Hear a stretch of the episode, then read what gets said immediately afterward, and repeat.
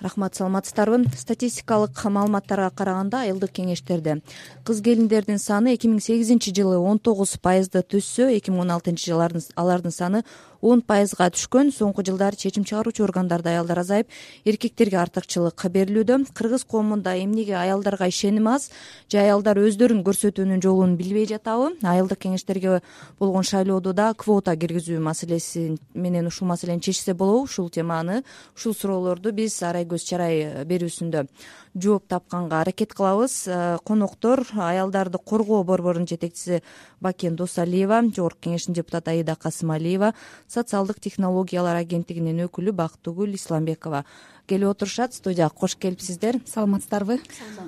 Бактыгүл айым сизден баштайын. Буга чейин да ушул багытта бир э, изилдөө жүргүздүңүздөр эле. Э, жыл боюнча. Мисалы ушул эки миң жыйырманчы жылы такыр эле аял депутаттардын айым депутаттардын калбай калышы ыктымал айылдык кеңештерде деп. Анан э, кандай жагдай болуп атат? Канчалык деңгээлде мындай кооптондуу тынчсыздана турган э, маселе болуп атат ушул багытта абдан туура берген сурооңузга чоң рахмат. Биздин э, изилдөөлөр боюнча азыркы статистикага каралсак мисалы эки миң төртүнчү жылы аялдардын айылдык кеңештеги курамы он тогуз пайызды түзсө эки миң сегизинчи жылы ал он жети пайызга э, түшүп эки миң он экинчи жылы он үч пайызды э, түзүп ал эми акыркы декабрь айында эки миң он алтынчы жылкы өткөн шайлоодо он пайызга чейин түшкөн. Анан биздин изилдөө боюнча эгерде ушундай тенденция ушундай тенденцияда түшүп бара берсе аялдардын курамы эки миң жыйырманчы жылы бир эки пайызды гана түзүп калат дагы жыл сайын эки экиден үч пайызга чейин түшө бергенде кийинки жылдары э, аялдарды аялдар айылдык кеңеште курамында бир дагы аял калбай калышы мүмкүн деген э, чоң коркунуч бар. Ал эми бул аялдардын жок болгону мамлекетте социалдык тармактагы аябай чоң суроолорду чечилиш э, чечилүүсүнө көп көңүл бурбай калгандыкты билдирет. Ошондуктан эки миң он алтынчы жылдын октябрь айында жергиликтүү кеңештердин депутаттарын шайлоо жөнүндө кыргыз республикасынын мыйзамына өзгөртүүлөр э, киргизилген. Ал жогорку кеңеште биринчи окуудан өткөн ал өзгөртүүлөрдүн эң алгачкысы ар бир айылдык кеңеште мандаттын отуз пайызы аялдар үчүн резервде сакталсын деген сунуштар болчу. Ал аялдар үчүн атайын чаралар э, сунушталган. Бул боюнча дагы ушу кандай чаралар э, аида айым да айтып кетер. Негизинен ушул сиздердин изилдөөдө э, азыр сандарды көрсөтүп атпайсызбы ар бир шайлоо сайын эки пайыз төрт пайыз беш пайызга чейин депчи анан эмнеге ушинтип азайып атат деген бир жыйынтык барбы бул жыйынтыктарга э, кайрылсак азыр биздин оюбузча эң алгачкы бул аялдардын активдүү эместиги эмне дегенде азыр көп стереотиптер бар. Аялдар ансыз эле аябай көп шайлоого барганда тоскоолдуктарга туш келет. Анан э, ошон үчүн биз атайын чараларды аялдар үчүн резервде сактала турган чараларды сунуш кылып келгенбиз. Бул чараларды буга чейин президент жана жогорку кеңештин төрагасынын атына кайрылуу болуп он миң беш жүз сексен жети шайлоочу айымдардан жана кырк төрт уюмдардан болгон аябай чоң кайрылуу болгон. Ошондуктан биз ошол чаралар кабыл алынса жогорку кеңеш менен ушул маселелерди чечип келгенге өбөлгө болот деп кайрылууга жооп алдыңыздарбы кайрылууга эгер бул он миң шайлоочулардын кайрылуусу аркылуу бул мыйзамды жогорку кеңешке чыгарса да болот. Бирок биз жогорку кеңеш ага чейин эле депутаттар аркылуу он бир депутат аркылуу бул долбоор э, өткөнүн анан биринчи биринчи окууда кабыл алганын билгенден кийин биз аны кылган эмеспиз. Бул жөн эле ачык кайрылуу катары кеткен. Түшүнүктүү. Биз азыр э, жогоруда сизге суроо узатпадымбы? Эмне себептен экен депчи анан э, мурдагы шайлоодо ош облусунун өзгөн районундагы баш дөбө айылындагы мектептин директору ошол убакта айылдык кеңештин депутаты төрайымы болгон канайым султановага дагы кайрылган элек. Ал эмнеге аялдар шайлоодо өтпөй барбай жатат же өтпөй жатат деген суроого азаттыкка жооп берген негизинен эркектер агитациялык эркектер көчөгө чыгып баягы тууган урук неме болгондо деле барибир эркектерге ооп кетет экен да. Анан баягы кеңештин арасында да тартип болот экен аялдар болсочу анан келип туруп эле баягы социалдык маселелерге көңүл бурушпайт экен эркектерчи жолго шагал суу эле дей берет экен да башка менен иши жок экен. Баягы мектепти өнүктүрсөк бала бакчаны өнүктүрсөк факты өнүктүрсөк китепкана мынага окшогон маселелерге көңүл бурушпайт экен башычы мен баары бир эркектерге караганда аялдарда акча болбойт экен да кыскасы ушул маселеде кимиңиздер жооп бересиздер? Бакен айым же аида айым ушул резерв аркылуу чечсе болобу? Жана сиздер белгилеп аткан квота киргизүү менен ооба бул э, жергиликтүү кеңешке өзгөчө айылдык кеңешке э, сөзсүз түрдө ошол квота э, аялдар үчүн мандатты резерв кармоо керек. Биз көбүнчөсү аялдар ошо өздөрүнүн экономикалык абалы начар болгондуктан булар өздөрү чечип жана үгүт иштерине акча бөлө албайт ал эми эркектер болсо каалагандай үй бүлөлүк бюджеттен алып кете алат. Бул дагы ошол аялдардын шайлоого барысына тоскоолдук болот жана уруктуу тууганчылык. Э, көбүнчөсү ошол урук тууганчылык менен э, ошол э, өздөрүнүн үгүт иштеринде ошо аялдар катуу ачык чуркай албайт экен да. Бул дагы дагы стереотиптик көз караш бар. Аялдын орду үйдө очокто. Ал эми эркектер болсо ошо саясатта жүрүш керек деген. Бирок биздин коомчулук дүйнөдө коомчулук өнүгүп аткандан кийин кыргызстан дагы ошо дүйнө коомчулугунан калбай өнүгүш керек. Мен мындай деп айткым келет да жөнөкөй тил менен ошо угуучуларга. Адам коом өзү адамдай. Эгерде бир бутуну аксап турган адам бат чуркап тез э, ишин бүтүрө алабы же эки буту тең чуркап турган адам бүтүрө алабы? Ошол биздин коом кыргыз коомчулугу ошол аял жагына абдан аксап турат. Бул аялды колдоо э, керек. Анткени аялдар көтөрө турган маселени эркектер чече албайт. Быйыл дагы азыр аида жакында эле он сегизинчи январда дагы айылдык кеңештерге шайлоо өтпөдүбү. Анан ошону анализдеп көрдүңүздөрбү кандай жагдай болду? Аялдар келдиби мүмкүнчүлүк болдубу анализ дегенге мүмкүнчүлүк болду. Э, көбүнчөсү ошол тоскоолдуктар абдан көп болду. Э, биз болсо э, аялдардын дагы потенциалы начар деген стереотиптик көз карашты четке кагат элек. Анткени ошол проонун колдоосу менен беш лидерлик мектеп аялдар үчүн өткөзүлгөн жүз отуз бир аял окуган. Ошонун жүз алтысы депутаттыкка талапкер болгон. Алар ошол мектептин алкагында өздөрүнүн ошол саясаттагы аялдардын имиджи Э, жанагы үгүт иштерин жүргүзүү маселеси мыйзамдар боюнча шайлоо мыйзамдары жана башка көп нерселерди окуп үйрөнүшкөн. Анан э, ошол көп тоскоолдуктардын болсо дагы он жети аял депутаттыкка өттү да. Э, эми азыр коомчулугунда ошол айыл кеңештерде эркек депутаттар ошол аял депутаттар менен иштешкенге ыраазы анткени жүздөн ашуун талапкердин он жетиси өткөн бул көрсөткүч аз да. Аз аз бирок ошол тоскоолдуктар абдан көп болду да. Бирок ошол э, жүз э, биздин аялдар э, ошол лидерлик мектепти бүткөн аялдар деги эле депутаттыкка койгон кыргызстандагы аялдардын алтымыш сегиз процентин түздү. Демек ошондой лидерлик мектеп керек экен да? Гендердик тең салмак тең салмактуулуктун сакталбаганы жогорку кеңеште дагы бар да. Мисалы азыр жүз жыйырма депутаттын кыркы аял болсо эгер мыйзам боюнча кырк аял болуш керек болсо азыр он тогузу гана бар иргелип азайып отуруп анан негизи эле ушул кыргыз коомчулугунда эмнеге мындай мамиле эмнеге аялдарга ишеним аз же болбосо колдоо аз жогоруда мына э, конокторубуз бакен айым дагы аябай жакшы айтты да бул э, негизи эле мындай көрсөткүч болуп атат да коомдогу аялдын орду басаңдап кетип атат. Коомдогу аялга болгон мамиле анын укугун тебелөө аял үйдө эле отуруш керек депчи. Анан мисалы үчүн жогорку кеңеште дагы деле квота киргизилген бирок э, сиз айткандай жакшы деңгээлде эмес. Эки фракцияда азыр бир дагы депутат айым жок. Алар мисалы үчүн келгенде эле тизме менен келишет дагы бирок кетип калышат. Аларды кетирүү оңой. Бирок бүгүн программада мен ошол айылдык кеңештерге көңүл бургум келет да. Айылдык кеңештер такыр эле биз мына аял аял депутаттарсыз калабыз да. Эгер ушул резервацияны киргизбесек. Резервация бул квота эмес отуз пайыздык мындай э, орунду сактап коюу да.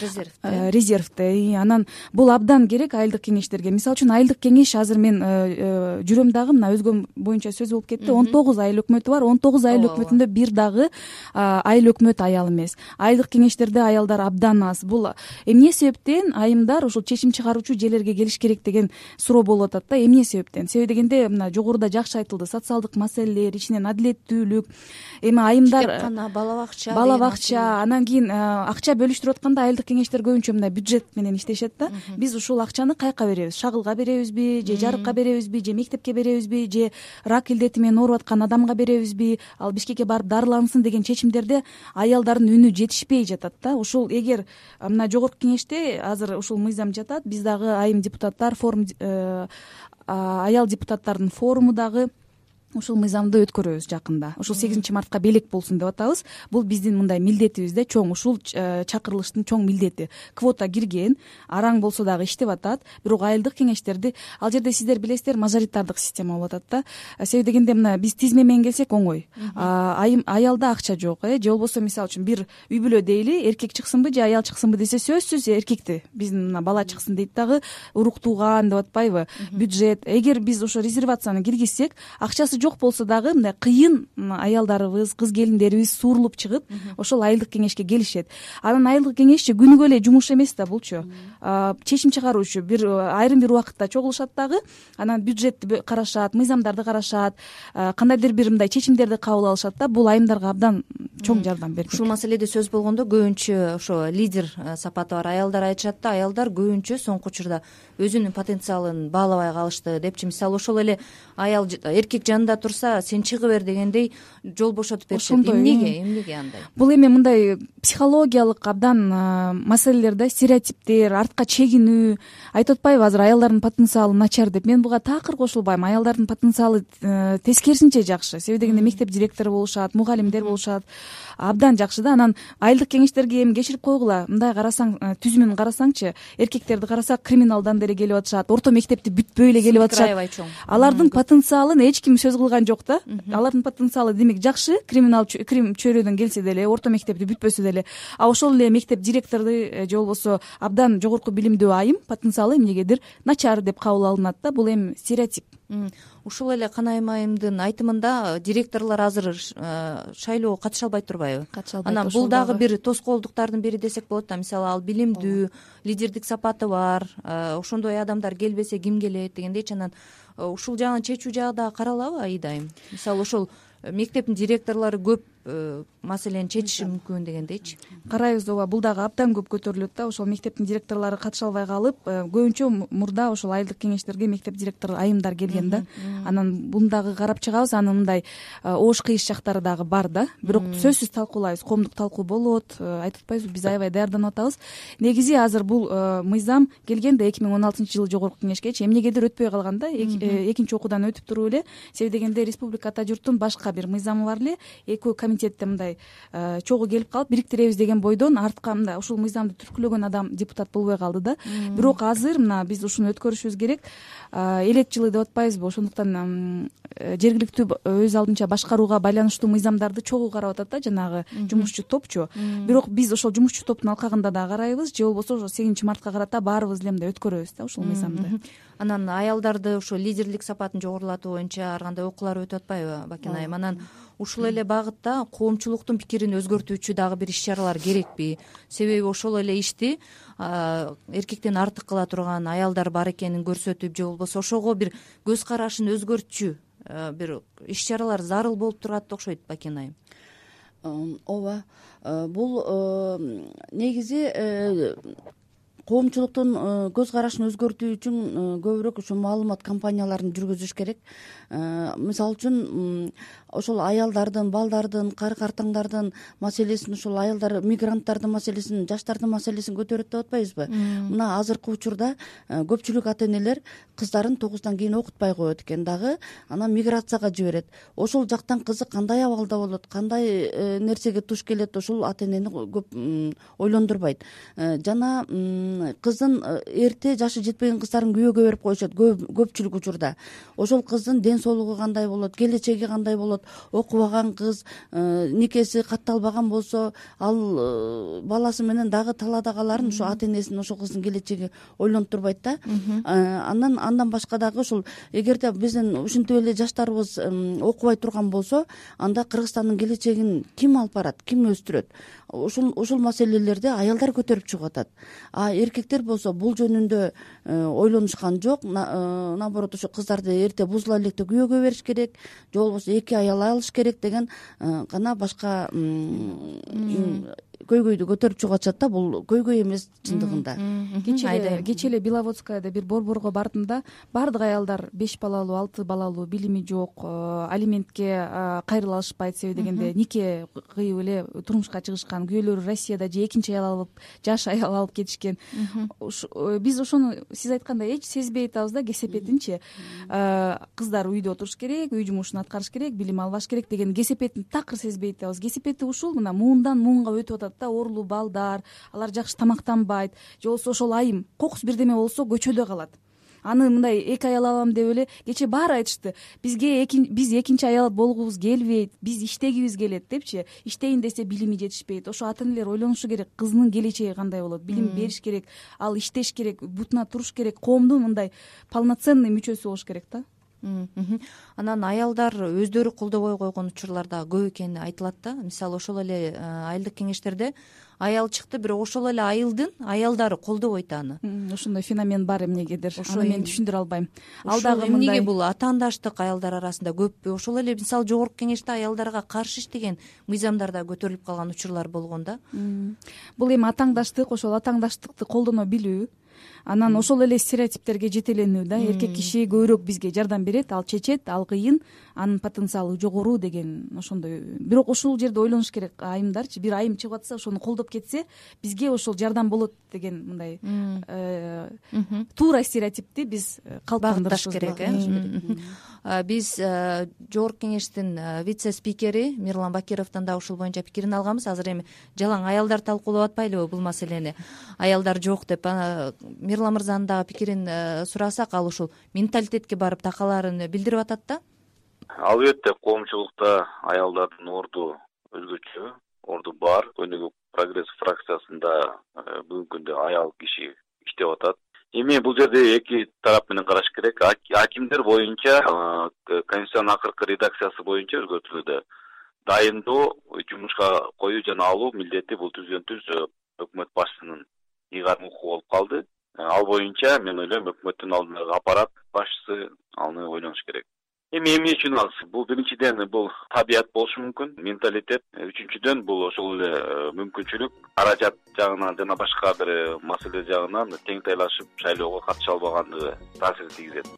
Ушу менталитет эле таасир береби? Жана каражат же дагы башка жагдайлар барбы бакен айым бул менталитеттен башка дагы э, жанагы үгүт маселеси. Үгүт учурда ушул аялдардын жеткиликтүү каражаты да жок. Жана аялдар ошол эркектерди эркектердин деңгээлиндегидей үгүт иштерин жүргүзө албайт. Анан сөзсүз түрдө ошол менталитет көрө албастык кичине болуп турат. Бул мунун баардыгы тең кичине ошол деңгээлинин төмөндүгүнөн болуп турат соңку мына э, соңку жети жылда дээрлик э, он пайызга чейин кыскарган турбайбы анан ушунун кесепетин көрсөтүп берүү көбүрөөк э, элге мындай көзүн ачат го дейм да. Мисалы он жылда эмне маселелер ишке ашыш керек эле ашпай калды. Кайсы маселеде кетти. Ошол боюнча бактыгүл айым бир анализ э, бар беле? Мен дагы бир аябай жакшы белгилеп кетчү нерсе азыркы күндө төрт жүздөн ашык айыл өкмөтүндө республика боюнча сексен алты айылдык кеңеште бир дагы аял шайланган эмес. Бул абдан республика үчүн кичинекей мамлекет үчүн чоң көйгөй деп эсептейбиз. Анан ошол эле мезгилде айылдык кеңештерде депутаттардын корпусунда эркектердин саны аябай арбын ар бир айылдык кеңеште жетимиш пайыздан жүз пайызга чейинки диапазонду эркектердин саны түзөт. Анан биз үчүн бул аябай чоң бир жарандык инициатива кылганга дагы чоң маселе деп эсептейбиз. Ошондуктан биз э, парламентти э, дагы ушул э, экинчи окууга тез арада чыгарып ушул маселени кароого чакырабыз. Канымгүл айым сиз аябай жакшы суроо бердиңиз да кесепети деп. Биз азыр ошону инфографика жасашыбыз керек экен изилдөө жасашыбыз керек экен. Канча бала майыптөрөлдү канча бала ата энесиз калды? Окубай калды. Канча бала окубай калды? Канча бала баңги менен алектенип кетти? Канча айым ичип кетти канча биздин генофонд эмне болуп атат э, канча э, айым зордукталды же балдар зордукталды жана сексуалдык э, зордуктоо да болуп атат канча айым миграцияга кетти. Ошолордун баарын эсептесек ошол кесепет да айымдын ошо чечим чыгаруучу жерде болбогону активдүү болбогону ошол кесепет биздин коом үчүн абдан мындай миллиондоп долларлап да эсептей албайсың да. Анан мисалы ушул айта бериңиз азыр биздин агенттик тарабынан бунун программасынын алкагында чоң маалымат даярдалып жатат. Ошол маселелердин баардыгын көтөрүп социалдык тармактарда интернет тармагында дагы аябай жайылтуу менен алек болуп жатабыз. Азыр мисалы жыйырма депутат болсо бир айылдык кеңеште ошонун бирөө аял болсо биз ошого шүгүр кылып отурабыз да. Бул бирок э, кайсы бир маселени чечүүдө эч кандай мындай роль ойной албайт да. добушу аз да. Ал эгер э, ушул бир максатка жетиш үчүн жок дегенде анын бешөө алтоо э? Депутат болуш керек болуш керек. Ошо сиз туура айтасыз биз отуз пайыз отуз пайыз деп атабыз. Эми азыр биринчи э, этапта жок дегенде отуз пайыздык э, резервацияны киргизип алалы деп атабыз да. Анын техникалык жактан айтып кетели. Мисалы үчүн бул мыйзам ишке кирсе президент кол койсо кудай буйруп иштей баштаса эч кандай чыгым да кетпейт эч кандай шайлоо системасы дагы өзгөрбөйт да. Шайлоочулар келет анан отуз пайызын мисалы үчүн жыйырма бир орун болсо анын тогуз оруну айымдарга сакталат. Ошол шайлоого катышкан айымдардын эң көп добуш алгандары катары менен кете берет да алар келе берет мисалы үчүн. Эгер он бир болсо үч орун сөзсүз сакталат айымдарга. Бул абдан жакшы да. Негизи ушул маселеде премьер министр сапар исаковдун да айтканы бар эле жакында эле. Ушул айылдарда акимдердин орун басарлары ушу чечүүчү ролду ойногон айымдар такыр азайып кетти ушуга көңүл бурушубуз керек деп айтканына бир айдан ашты окшойт. Бирок мындай жыйынтыкты көрө элекпиз балким э, алдыда келечекте күтүп каларбыз. Анан гендердик тең салмактуулук жагынан алып келгенде мына шаардык кеңештерде деле абал чеке жылтарлык эмес да. Ал жакта дагы шайланган депутат аялдардын саны жыйырма бир пайызды гана түзөт. Бул алты жүзгө жакын мандаттын жүз отузга жакыны жетпегенин кыз келиндер дегенди билдирет экен да. Э, анан э, ушул маселеге келгенде эле бизде мисалы башкы прокурор индира жолдубаева турат жогорку соттун төрайымы деп айтабыз да анан чечүүчү орундарга аялдардын келбей жатканы эмнеден айдайым негизи сиз туура айтасыз мына аткаруу бийлигинде мирлан бакиров да туура айтып кетти. Азыр эми жаңы конституция боюнча премьер министрдин иши да. Ал буйрук кылабы токтом чыгарабы ошол жерге жанагы зам акимдерди же болбосо биз эмнеге зам аким деп чектелебиз да.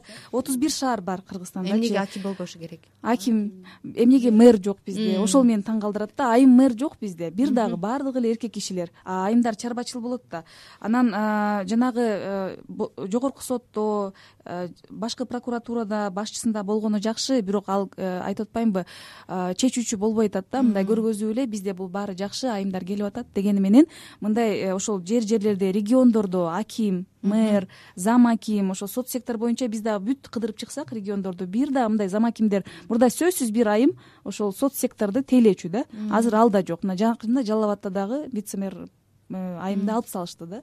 Ушундай болуп атат анан бирок ушул кыз келиндердин э, саясаттагы таасири табигый түрдө бекемделиши керек. Болбосо саясаттын куралы болуп калат деген дагы пикирлер жок. эмес да. Кандай деп ойлойсуздар бакина айым? Квота резервация бул мындай неме эмес да? Э, дискриминация эмес. Ушуну айтып кетсеңиз негизи бул квота дискриминация эмес. Бул болсо атайын чаралар болуп эсептелинет бул убактылуу атайын чаралар. Эгерде бизде э, баардыгы жакшы болуп жанагындай отуз проценттен жогору айымдар э, чечим чыгаруу деңгээлинде отуруп калышса бул э, убактылуу чараны алып коюшат да кайра алып койсо болот. Бул айымдардын ошол жанагы табигый деги эле мыйзам боюнча оондун дагы мыйзамы боюнча биз кабыл алган конвенциясы боюнча дагы аялдар өздөрүнүн табигый түзүлүшү ошо бала төрөгөнү менен бала эмизгендиги менен калктын аялуу катмарына кирет. Ошондуктан бул убактылуу чара керек аида айым ушул боюнча пикириңиз кандай? Негизи эле ушул саясатка курал болуп калабы эгер ушул квота аркылуу келсе өзү табигый жол менен жеңишке жетише албаса? Жок курал болбойт себеби дегенде ошо квотаны көп айтышат. Мына силер алсызсыңар ошон үчүн атайын квота киргизип ошол аркылуу келип атасыңар депчи. Мен макул эмесмин убактылуу чара. Себеби дегенде эгер андай болбосо биз эки миң бештеги парламентте алып калмакпыз жалаң эркектерден турган. Чечимдерди азыр деле жогорку кеңеште араң ошо э, социалдык тармакка келгенде э, эркектер эч көңүл бурушпайт. Мына жөлөк пул болобу башка маселе боюнча анан курал болбойт эмнеге курал болот эле? Канчалык көп потенциалы жогору айымдар келсе жогорку кеңешке бүт чечим чыгаруучу э, өкмөткө анда алардын потенциалы жогорулай берет да. Курал болбойт тескерисинчечи эгер биз азая берсек анда курал болобуз. Э, калктын мына добуш берүүчүлөрдүн элүү эки пайызы айымдар болуп атат дагы. Анан бийликке келгенде эле эркектер да. Анан бир жака азыр баардык жерде байкалат. Мисалы үчүн жогорку кеңештин депутаты катары мен азыр регионго барсам да кээде мындай кандай десем э, күлкүм келет да чоң жумушту жасайсың эркек жасай албаган жумуштучу бирок ал келет дагы акырында айтышат аксакалдар. Мына кыз болсо дагы жасап атат депчи белгилеп коюшат. Белгилеп коюшат. Биздин кыз жаш бул алсыз деген бир мындай имиджди түзө беришет да эмнегедирчи. Сен күчтүү болуп турсаң деле. Бирок белгилеп кетейин бизге бөлүнгөн убакыт соңуна чыгып калды кечирим сурайм он эки министрликтин экөөнү гана аял киши башкарат экен. Мамлекеттик агенттик кызмат фонддордун бирөөндө да аял жетекчи жок. Өкмөттүн жети облусунун жалаң мырзалар башкарат. Борбордук шайлоо комиссиясынын он эки мүчөсүнүн бешөө айым болсо отуз бир мэрлик кызматтын баардыгында мырзалар ошондой эле жогорку окуу жай элүүдөн ашуун болсо ошонун үчөө гана аялдар экен да. Анан э, жогоруда айткандай ушу жергиликтүү кеңештерден баштап аялдардын потенциалын жогорулатып ушундай бир чечүүчү жакка аялдардын келишин э, колдойлу